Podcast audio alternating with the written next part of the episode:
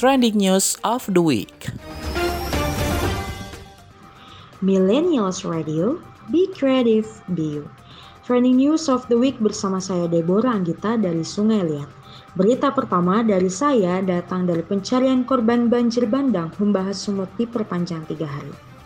Kepala Kantor Basarna Kota Medan Budiono mengatakan operasi pencarian korban banjir, bandang, dan longsor yang terjadi di Desa Silmagulampe, Kabupaten Humbang Husundutan atau Humbahas, Sumatera Utara diperpanjang selama tiga hari ke depan.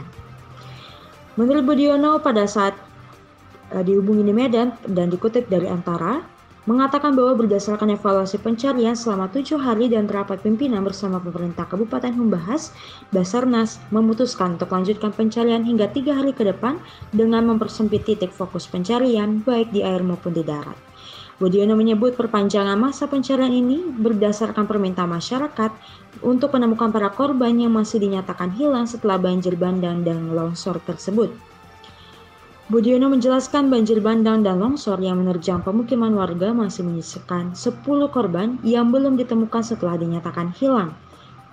Kerugian material sebanyak 14 rumah rusak berat termasuk satu rumah ibadah dan satu penginapan. Selain itu satu sekolah dasar dan lahan pertanian seluas kurang lebih 5 hektar. Dalam upaya pencarian, Budiono menyebut tim SAR gabungan memperluas operasi area pencarian di perairan Danau Toba yang dibagi menjadi tiga sektor yang difokuskan di sejumlah titik lokasi pencarian. Sektor pertama akan dilakukan pencarian di perairan Danau Toba dengan cara penyeram, penyelaman dari personel Basarnas Special Group atau BSG dan melakukan penyisiran di permukaan air menggunakan LIB dan perahu LCR.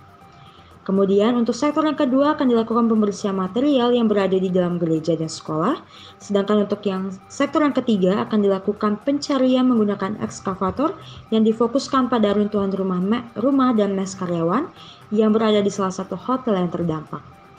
Pada pencarian di hari yang ke-8 akan diturunkan tim penyelaman dari BSG untuk melakukan penyelaman di sekitar lokasi pohon tumbang dan di belakang gedung gereja dan hotel. Banjir bandang dan longsor yang melanda desa Simal Gulampe, Bakti Raja, Kabupaten Humbang, Husundutan yang terjadi pada Jumat malam sekitar pukul 21.30 WIB, sebanyak 12 orang hilang dan baru dua orang ditemukan dalam keadaan meninggal.